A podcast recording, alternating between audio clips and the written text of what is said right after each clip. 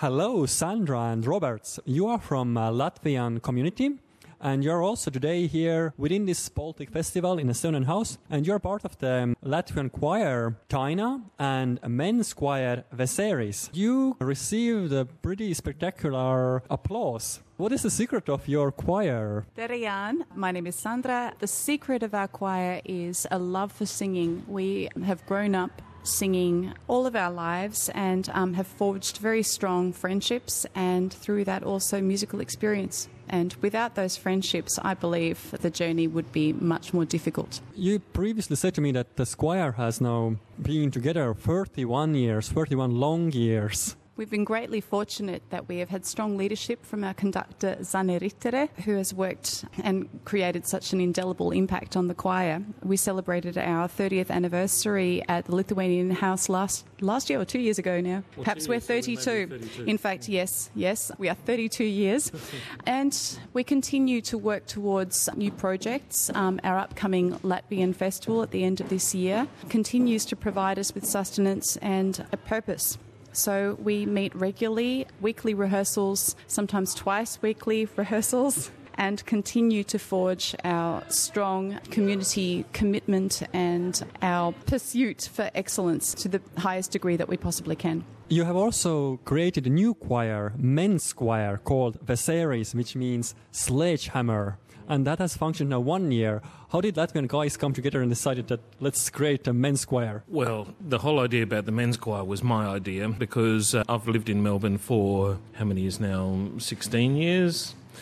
And I used to live in Sydney before that. And when I was growing up, from age 14, I sang in um, the Sydney Latvian male choir. And once I moved here, I thought, oh dear, I need to sing in a Latvian male choir. Like male choir in, I'm sure it's the same with Estonian and Lithuanian. It's a it's a very big deal, and um, it, I just felt it in my blood.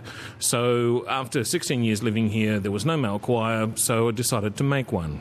So I talked to all my friends, and we were just very, very lucky in Melbourne to have lots of people from Sydney, from Adelaide, from Melbourne. So we have a large group of men in their mid 40s to 50s who are ready to sing in a male choir. And it's absolutely fantastic. We couldn't have done it anywhere else. And these men are all so excited and keen to, and passionate, yeah, to start up a new Latvian men's choir in Melbourne.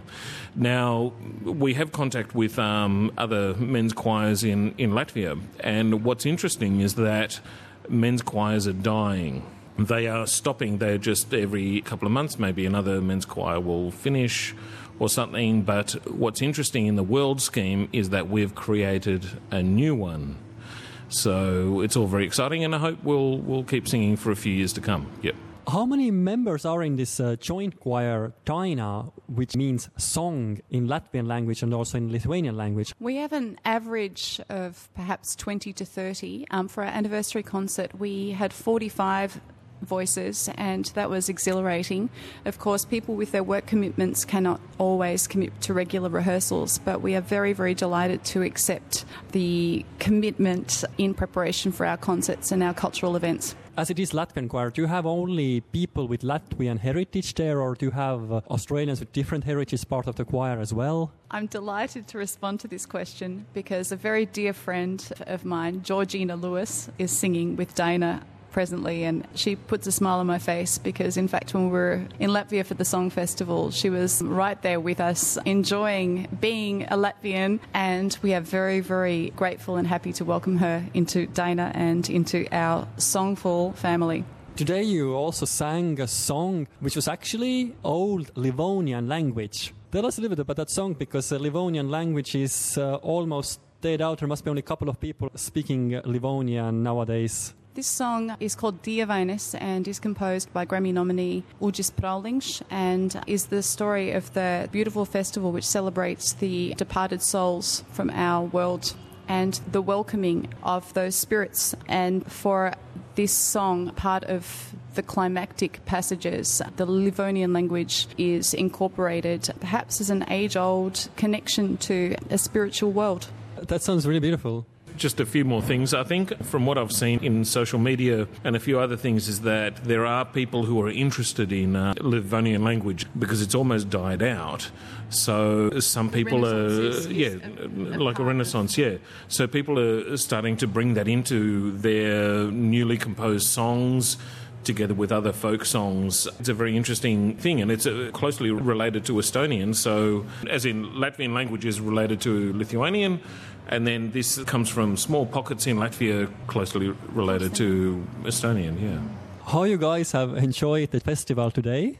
Hugely. Uh, we'll be back. Yeah, I know. It's always the Baltic Fest is always wonderful a to highlight. get. It's a highlight of the year to get back together with um, our Estonian, Lithuanian friends. We absolutely love it. It's fantastic. Thank you, Sandra and Roberts. Thank you, Jan. Thank you, Jan. tere, Tuuliki! Sina oled nüüd siin Austraalias olnud kümme kuud ja juba sa oled olnud kaasatud siin Eesti Majas Balti festivalil, ma nägin sind laulmas kui ka köögis toimetamas. kuidas sa siia Eesti Majja välja jõudsid nii lühikese ajaga? ma arvan, et põhiline põhjus oli selles, et ma hakkasin eesti keelest puudust tundma. et ma olin kolm kuud siin ja kuna ma räägin päevad läbi ainult inglise keeles, siis ma mõtlesin, et nii ikka ei saa ja mõtlesin, et võtan oma vana hobi jälle üles ja tulen laulma ja siis oligi niimoodi, et tulin laulma ja mulle hakkas väga meeldima ja nüüd ma siin käin iga kahe nädala tagant laulmas ja ka muid asju tegemas. kui vana sa oled, Tuuliki? kakskümmend kaheksa aastat vana. kuidas sul siin laulmisega läheb, kas meeldib? meeldib, nii tore on. väga tore on näha sellist võib-olla vanemat põlvkonda, kellel on kõik oma lood rääkida, kuidas nemad siia sattusid, mis nad siin teevad. ja, ja üldse laulda mingeid vanu Eesti laule, mida ma laulsin võib-olla keskkoolis ja mida ma enam üldse ei mäleta väga,. väga-väga tore on kui palju noori üldse hetkel seal kooris siis laulab? vahelduva eduga on meid kuskil kümme ja ma pakun, et võib-olla neli kuni kolm inimest on nooremad ja ülejäänud on siis natukene vanemad. sa nüüd osalesid siin ka vabatahtlikuna, kuidas sul läks? väga hästi, ma olin köögis, aitasin seal kaasa väga tore oli. kuidas sa kommenteeriksid, kui sa nüüd kümme kuud siin Austraalias oled olnud, et kuidas see melu siin Balti festivalil oli? ausalt öeldes ma olen täiesti nagu heas mõttes üllatunud, kui tore see pidu seekord oli et ma olen siin nüüd käinud leedukate peol, ma käisin jaanipäeval, käisin isegi vist äh, vabariigi aastapäeval ja see kindlasti oli kõige positiivsem kogemus, mis siiamaani olnud on. kas sa näed ennast Eesti Majaga jätkuvalt seotud olevat, kui sa siin Austraalias oled? ma täna just vaatasin neid tantsijaid ja mõtlesin, et et ma täitsa kujutan ennast ette, et ma võiksin midagi natuke rohkem isegi teha. et võib-olla Eestimajas ongi praegu see tunne, et sellist nooremat verd ja niisugust värskust natukene nagu on puudu, samas kui võib-olla leedukad ja lätlased on palju rohkem aktiivsemad kui eestlased, et selles suhtes ma arvan, et kui meid tuleks kõvasti rohkem, see oleks kindlasti veel ägedam. aitäh, Tuuliki! ja aitäh sulle! Sirje Jõgi, õnnitlused selle suurepärase kontserdi ja päeva eest, see Balti festival, mille peakorraldaja oled sina. Sirje, ütle, kuidas sa ise nüüd rahule jäid selle võimsa show'ga, mis siin toimus?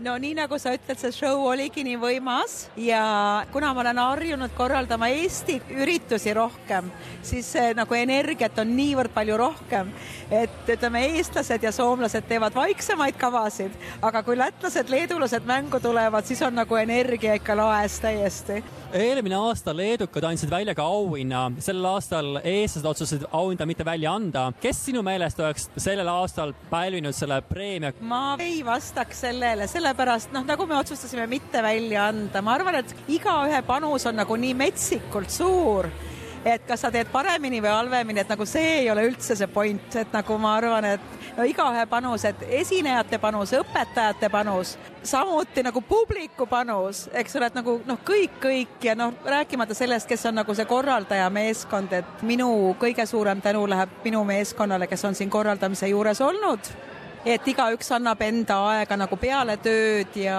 et noh, kõik köögid, muusikad, kõik asjad toimiks, et see on nagu niivõrd suur asi.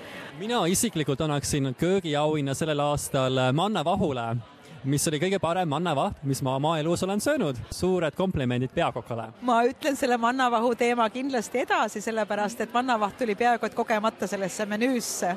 Nad mõtlesid, et teevad proovi ja väga tore, kui oli edukas. ma kuulsin, et eestlased peavad korraldama järgmisel aastal selle festivali kas peale seda aastat oled sa valmis ka vedurit edasi vedama? ma arvan, et see on nii suur au sellist asja teha, et ma olen nii õnnelik selle, no nagu kogu selle korraldamise, kuidas see välja tuli selle üle, et me oleme kindlasti valmis järgmine aasta veel tegema ja. suur aitäh sulle, Sirje Jõgi! aitäh sulle ka!